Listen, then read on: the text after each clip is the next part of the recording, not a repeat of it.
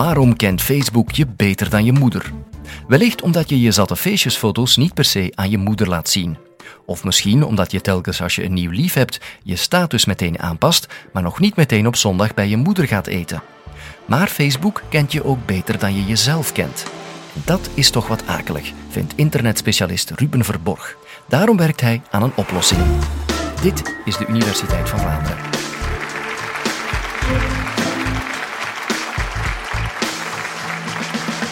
Midden de jaren 2000 stopt een Amerikaanse vader een winkel binnen van supermarktketen Target. In zijn linkerhand een reclamefolder, zijn gezicht kwaad. Hoe durven jullie? Op de folder staat zijn adres en de naam van zijn dochter. Het is een reclamefolder voor zwangerschapsproducten. Hoe durven jullie mijn tienerdochter aanmoedigen om aan kinderen te beginnen? Ze zit nog in het middelbaar. Uiteraard kan de winkelbediende de man niet meteen helpen, maar hij belooft dat ze zullen terugbellen. En effectief, een week later gaat de telefoon. Meneer, wij wensen ons te verontschuldigen voor wat er gebeurd is. En stop, zegt hij verder. Ik ben degene die mij moet verontschuldigen, want blijkbaar kennen jullie mijn dochter beter dan ikzelf. Ik word volgende zomer grootvader. Hoe komt het dat Target die dochter beter kende dan haar eigen vader? Wel, Target had haar aankopenpatroon herkend had gezien dat zij een grote tas had gekocht, handcrème en nog een aantal andere dingen die samen kleine signalen waren voor één groot signaal. Hier is een babyopkomst. En hoe was Target in staat om dat aankopenpatroon te herkennen? Wel, dankzij data. Net zoals alle winkels verzamelt Target stofzuigergewijs data van al haar klanten. De klantenkaart, weet je wat? En al die kleine stukjes data samen gaven een inzicht in wat er aan het gebeuren was in de buik van die dochter.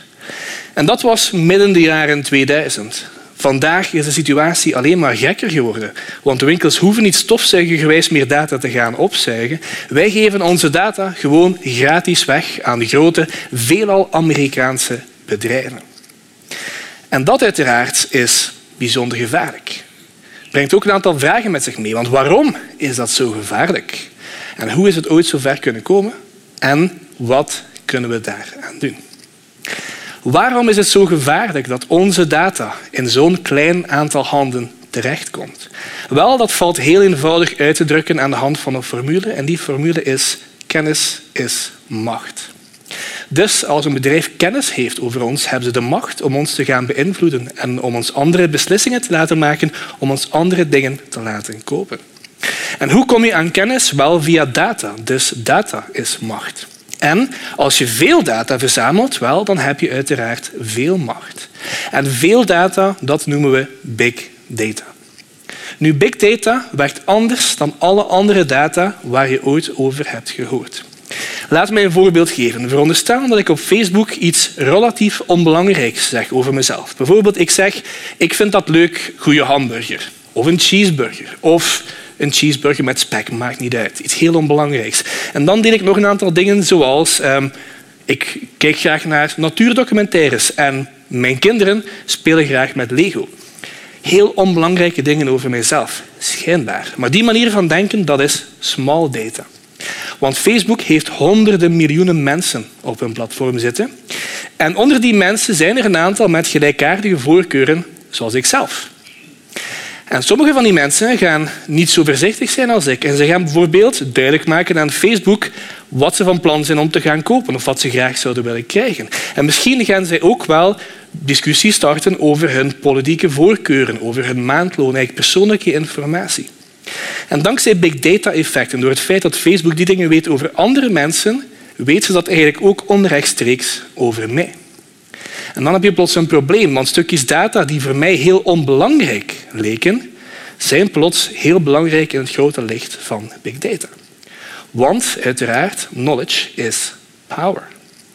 En je mag niet onderschatten welk soort kracht dat data geeft, want dit soort data wordt gebruikt om ons te beïnvloeden. Bijvoorbeeld, zoals ik zei, om ons andere dingen te laten kopen als ze weten wat je van plan bent om te gaan kopen. Maar we weten ook met zekerheid dat dergelijke data gebruikt is om de resultaten te beïnvloeden van het Brexit-referendum en van de Amerikaanse presidentsverkiezingen.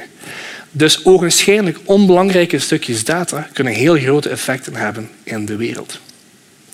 En dat brengt ons bij de volgende vraag. Hoe is het ooit zo ver kunnen komen? Wel, alles begon eigenlijk met een heel prachtige uitvinding in het jaar 89 door deze man, Tim Berners-Lee.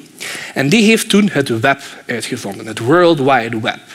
Nu, in de jaren 80 bestond het internet al. Het internet is een netwerk tussen verschillende computers en toestellen om informatie uit te wisselen. Bijvoorbeeld, in de jaren 80 kon je al e-mail sturen van de ene computer naar de andere. Wat je niet kon doen, was iets online zetten. Je moest altijd dingen gaan rondsturen. Dus de uitvinding van het web en websites zorgde ervoor dat je dingen online kon gaan plaatsen. En dat idee heeft onze wereld veranderd. Het heeft veranderd hoe wij communiceren. Het heeft veranderd hoe wij dingen leren, hoe wij informatie opzoeken. En het heeft ook veranderd hoe bedrijven zaken doen over heel de wereld. En wat ik vooral zo prachtig vind aan het web, is dat het een uitvinding is die vele andere uitvindingen mogelijk maakt. Als iemand van jullie morgen een idee heeft, wel, dan kan je meteen een website starten en kan je dat lanceren. Je hebt van niemand hulp of toestemming nodig. En dat noemen we toestemmingsloze innovatie. Het idee dat iedereen vrij is om uitvindingen te doen zonder dat je rekening moet houden met iemand anders. Je kan zelf een plaats krijgen in de spotlights dankzij het web.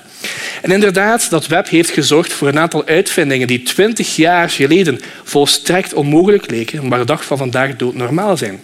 Ik kan vanuit mijn zetel boodschappen doen en die laten leveren aan mijn deur. Ik kan vanuit diezelfde zetel de grootste bibliotheek ter wereld raadplegen. En ik kan in het hol van Pluto een taxi roepen en die komt gewoon allemaal dankzij het web. En niet alleen die grote ideeën zijn belangrijk, alle kleine ideeën staan gewoon naast die grote. Je kan zelf een plaats veroveren online. Dus dat is wat ik zo prachtig vind aan het web. Want op het web is het leukste idee belangrijk dan al de rest. Als je een leuk idee hebt, dan kan je dingen gaan doen online. Althans, dat was de bedoeling. Maar wat je ziet is als een van die platformen plots heel groot gaat worden, dat die toestemmingsloze innovatie in het gedrang komt. En Facebook is een voorbeeld van een bedrijf dat heel groot geworden is. Ze zijn niet groot geworden door innovatie, ze zijn groot geworden omdat ze data verzamelen. Ze zijn toevallig de grootste dataverzamelaars. En die manier van denken zie je in heel veel sectoren en bedrijven waar ze niet meer innoveren, waar ze gewoon proberen zoveel mogelijk data over ons te gaan verzamelen. En dan krijg je plots een web en een wereld waar het meeste data belangrijker is dan het leukste idee. En dat is jammer, want die rijkdom die ons beloofd was met het web en die we ook zo lang gehad hebben, raken we op die manier kwijt. En ik wil terug naar dat web waarop die innovatie mogelijk is, waarop we terug controle hebben over de dingen die we online gaan plaatsen. Ik wil een web waar ik zowel groot nieuws als kleine dingen kan delen zonder zorgen. Nu gelukkig, diezelfde man die het web heeft uitgevonden, Tim Berners-Lee, is ook bezorgd over wat er met het web aan het gebeuren is en hij heeft een idee om een beter web te maken voor ons allemaal. En dat idee noemt Solid. En wij bij de Universiteit Gent zijn heel trots dat we samen met hem daaraan meewerken. Nu, wat is Solid? Wel, Solid is een manier om terug controle te krijgen over onze eigen data. Wat betekent dat? Wel, vandaag ga je zien dat onze data inderdaad in van die grote silo's verzameld is. Facebook is zo'n silo, LinkedIn, alle apps die je kan bedenken zijn eigenlijk silo's. En om aan te tonen hoe sterk die silo's die data vasthouden, heb je al eens geprobeerd om een foto van Facebook te delen met collega's op LinkedIn? Dat gaat niet. Je moet ofwel de data verhuizen of je moet de mensen gaan verhuizen. Zo sterk houden die apps die silo's vast aan hun eigen data. Met Solid willen we daar iets aan gaan doen. Want dit is niet alleen het geval in het online web, ook in de echte wereld zien we dat bijvoorbeeld winkels en zelfs de overheid ook aan die data gaan vasthouden. En daarmee bedoel ik niet dat ze slechte dingen van plan zijn met die data. Ik zeg alleen maar, ze houden die data vast. En het feit dat die data niet bij ons zit, dat is het echte probleem. Wat Solid doet, is ons terug onze eigen data geven. Met Solid krijgt iedereen een persoonlijke datakluis en in die datakluis steek je alle data die je zelf maakt. Dus concreet, wat betekent dat? Als ik een berichtje post online, dan, wel, het bericht is van mij, wordt in mijn datakluis opgeslagen. Mijn profielfoto naast dat bericht is ook van mij, wordt in mijn datakluis opgeslagen. Als jij een reactie plaatst op mijn bericht, die reactie is van jou, dus komt in jouw datakluis terecht, samen met je profielfoto. En zelfs een stukje data zo klein als een like. Als iemand zegt, ik vind dat leuk, dat bericht, wel, die like is van jou en wordt in jouw datakluis opgeslagen. Nu, je kan je afvragen, hoe werkt dat? Hoe kan dat dat mijn like bij mij staat en dat het originele berichtje in mijn datakluis staat? Wel, net zoals op het web kunnen dingen aan elkaar gaan linken. We kunnen een link leggen van die like naar mijn berichtje. En dat zorgt ervoor dat die data verbonden raakt met elkaar. Nu, als we daarop verder bouwen, wat we dan krijgen is linked data. Want Facebook, wat ze daar doen, is big data. Ze proberen zoveel mogelijk data op één plek te gaan verzamelen. Maar big data, hoe groot ook, is een eindig verhaal. Wat gaat Facebook nog doen? Ze hebben al 2 miljard mensen. Nog eens 2 miljard mensen. Op een bepaald moment stopt big data gewoon. Linked data is oneindig, omdat je steeds kan verschillende stukjes data aan elkaar verder gaan linken. Dat is goed voor ons, goed voor onze privacy. We hebben terug controle over onze data, maar het is ook goed voor innovatie. Want wat je ziet is dat veel apps en websites vandaag niet kunnen innoveren, want Facebook heeft toch al die data al. Maar als we erin slagen om die data terug bij ons te gaan nemen, dan kunnen die websites ook gaan innoveren. Want dan heb jij als consument de keuze tussen verschillende apps. En dan kan ik een app kiezen om mijn data te zien, kan jij een andere app kiezen en toch kunnen we met elkaar communiceren. Dus de keuze van app wordt niet meer bepaald door wie heeft het meeste data, maar wel wat is de beste app voor mij. En om een voorbeeld te geven hoe dit eigenlijk belangrijk is, hoe dit helpt met innovatie, wel, wat je dus kan doen, is je kan een app kiezen. Je kan zelfs ook je data verhuizen naar een andere datakluis, voor gelijk welke reden. Maar vooral als je een leuk idee hebt, dan kan je plots daarmee weer aan de slag. Veronderstel dat ik effectief veel verder ga met mijn idee dat ik morgen, ik zeg maar, een hamburgerrestaurant online wil gaan openen. En ik ga een nieuw concept introduceren, de gepersonaliseerde hamburger.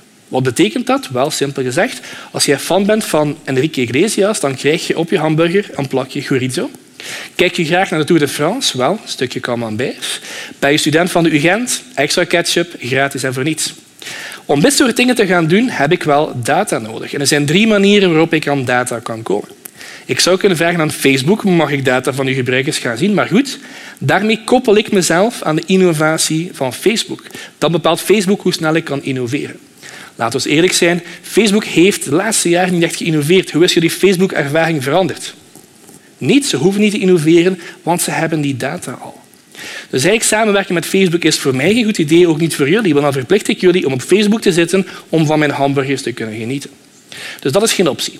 De tweede optie is dat ik zelf probeer om Facebook te worden. Dat ik zelf data ga verzamelen. Wat je dan krijgt, is dat mijn concurrentie dat ook gaat doen. Dan ga je plots de gepersonaliseerde hotdog hebben en de gepersonaliseerde kebab. En we gaan niet bezig zijn concurrentie te voeren op basis van onze gerechten. Nee, degene die zal winnen, zal degene zijn met de beste data. Maar dat willen we helemaal niet. Ik ben geen databedrijf, ik ben een hamburgerbedrijf. Dus om te vermijden dat we op dit soort manier concurrentie moeten voeren, is er een derde manier, namelijk de datakluis opnieuw. Als iedereen de eigen data bijhoudt, dan kan je bij mij aankloppen voor een gepersonaliseerde hamburger. Dan kijk ik even naar je data, mag ik de hamburger, krijg je die data weer terug. En op die manier er gaat nog steeds concurrentie zijn. Maar de concurrentie is dan wie heeft het beste gerecht en niet zozeer wie heeft het meeste data. Dus op die manier brengen we terug competitie, brengen we terug data-eigenaarschap in de wereld. Dus terugkomend op de vraag waarom kent Facebook mij vandaag beter dan mijn moeder? Wel simpel gezegd, omdat Facebook meer data heeft over mij. Maar ik hoop dat in de toekomst dat gaat veranderen. Dat we zelf terug controle nemen over onze data. En in zo'n wereld dan hebben we niet één plek waar alle data verzameld zit, maar zit data eigenlijk verspreid over de hele wereld en is die gelinkt aan elkaar. In zo'n wereld gaat Facebook mij niet beter kennen dan mijn moeder. In zo'n wereld ga ik kunnen kiezen wie mijn data ziet, welke personen daaraan kunnen, welke apps daaraan kunnen. En op die manier neem ik terug controle over mijn eigen data en ook over mijn eigen digitale en echte leven. Wacht nog heel even met het afsluiten van je Facebook-account. Like en share eerst nog dit college. Of vertel op Twitter, Instagram of andere nieuwerwetse media over deze podcast, zodat iedereen hem leert kennen.